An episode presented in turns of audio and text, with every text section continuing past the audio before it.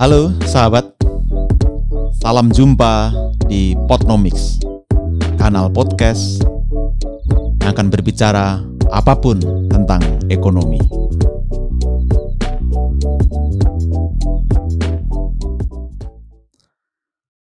Salam jumpa, sahabat Potnomics. Kita jumpa lagi dalam obrolan ekonomi dan fokus kita masih seputar APBN pandemi.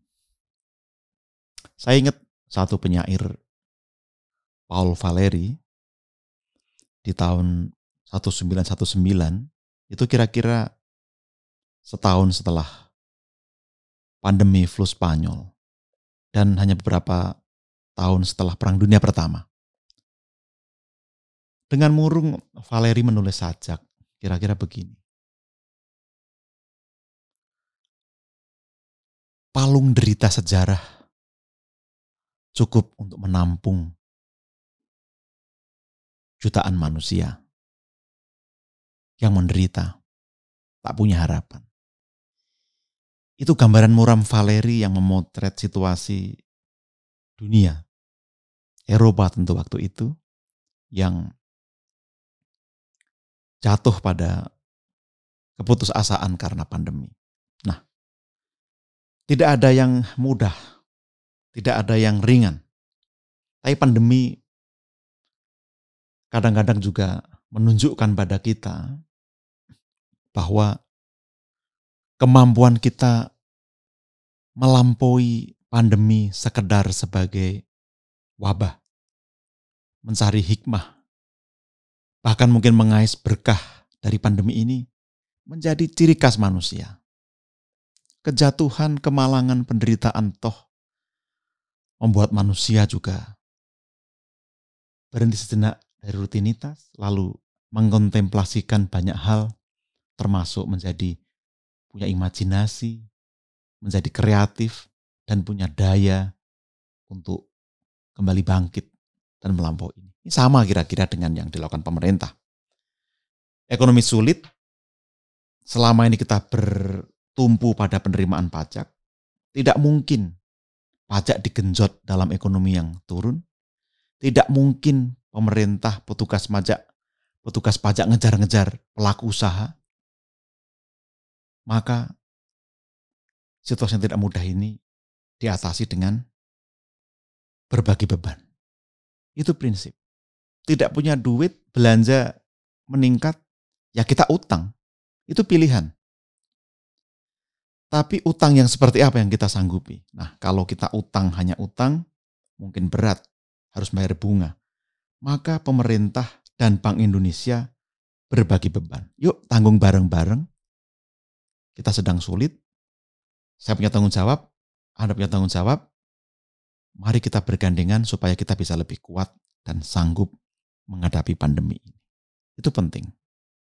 Pepatah Latin mengatakan vis unitas fortior Semakin bersatu, kita semakin kuat. Nah, ini sama kurang lebihnya.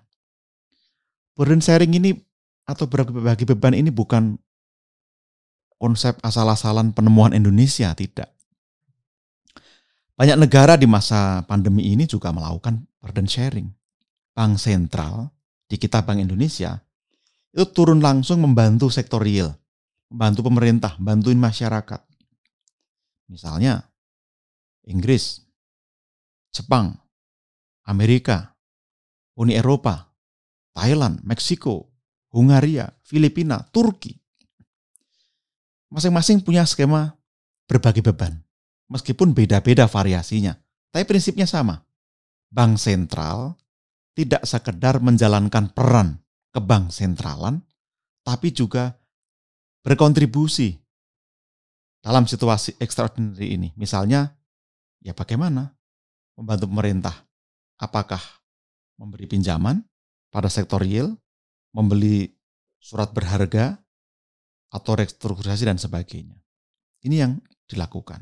Nah, saat ini kita menambah pembiayaan dari utang, kita berbagi beban dengan Bank Indonesia, perlu dicatat ya, eh, sahabat Potnomics, tahun ini 2020 kita harus nambah utang 903,46 triliun Nggak kecil itu. defisit kita 6,34 persen, cukup lebar. Nah, maka pemerintah dan BI sepakat, yuk bagi beban, tapi jangan siderai Bank Indonesia. Jaga integritas pasar. Tetap dijaga, maka BI dan pemerintah sepakat terbitkan SBN jangka panjang yang tradable, marketable. Sehingga itu eh, dapat menjawab kerisauan pasar karena ini tetap bisa diperdagangkan, tetap bisa dijual belikan, tidak ada persoalan.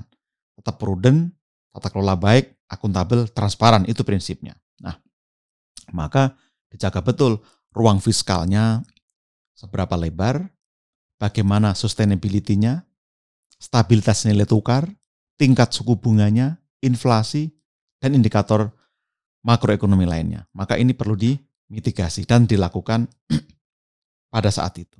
Nah, bagaimana skema bagi beban ini? Ini menarik. Bank Indonesia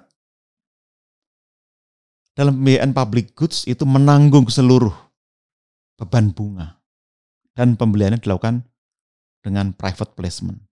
Jadi dipastikan kebutuhan untuk public goods itu dapat diserap oleh Bank Indonesia. Apa saja itu public goods? Misalnya untuk kesehatan, perlindungan sosial, sektoral KL Pemda. Ini kita bahas di episode 4 kemarin. Jadi BI menanggung seluruh bebannya. Nah untuk non-public goods, tadi public goods itu ada 397 triliun, non-public goods ada 505 triliun, beban bunganya ditanggung pemerintah, tetapi tetap mendapat diskon pemerintah karena bebannya relatif lebih murah. Ini yang penting diketahui oleh publik sebagai informasi sehingga ini menjadi prinsip yang penting. Dituangkan dalam SKB Gubernur Bank Indonesia, Menteri Keuangan duduk bareng, BI sebagai last resort, BI menjamin, dituangkan dalam SKB supaya kredibel. Maka tidak benar kalau dikatakan bailout. Pemerintah di bailout oleh Bank Indonesia. Tidak benar. Yang benar adalah pemerintah tetap menerbitkan SBN yang tradable, marketable, ada bunganya, tenornya jelas, dibeli oleh Bank Indonesia. Yang public goods tadi, seluruh beban bunga ditanggung BI, yang non-public goods, pemerintah menanggung beban bunga, tapi mendapatkan perlakuan yang istimewa karena bunganya murah. BI repo reverse rate dan masih dikurangi lagi. Ini menjadi eh, penting untuk kita. Pemerintah dan BI aja bagi beban, masuk kita nggak berbagi beban. Bagaimana caranya? Spiritnya kita ambil, menolong sesama. Mungkin tidak semua orang miskin mendapat bansos atau BLT. Ada saja mungkin yang tercecer. Di sinilah tugas kita, tanggung jawab kita. Bagi beban, menjadi spirit. Dan Indonesia kabar baiknya punya moda sosial yang bagus. Sosial capital kita bagus. Kenapa?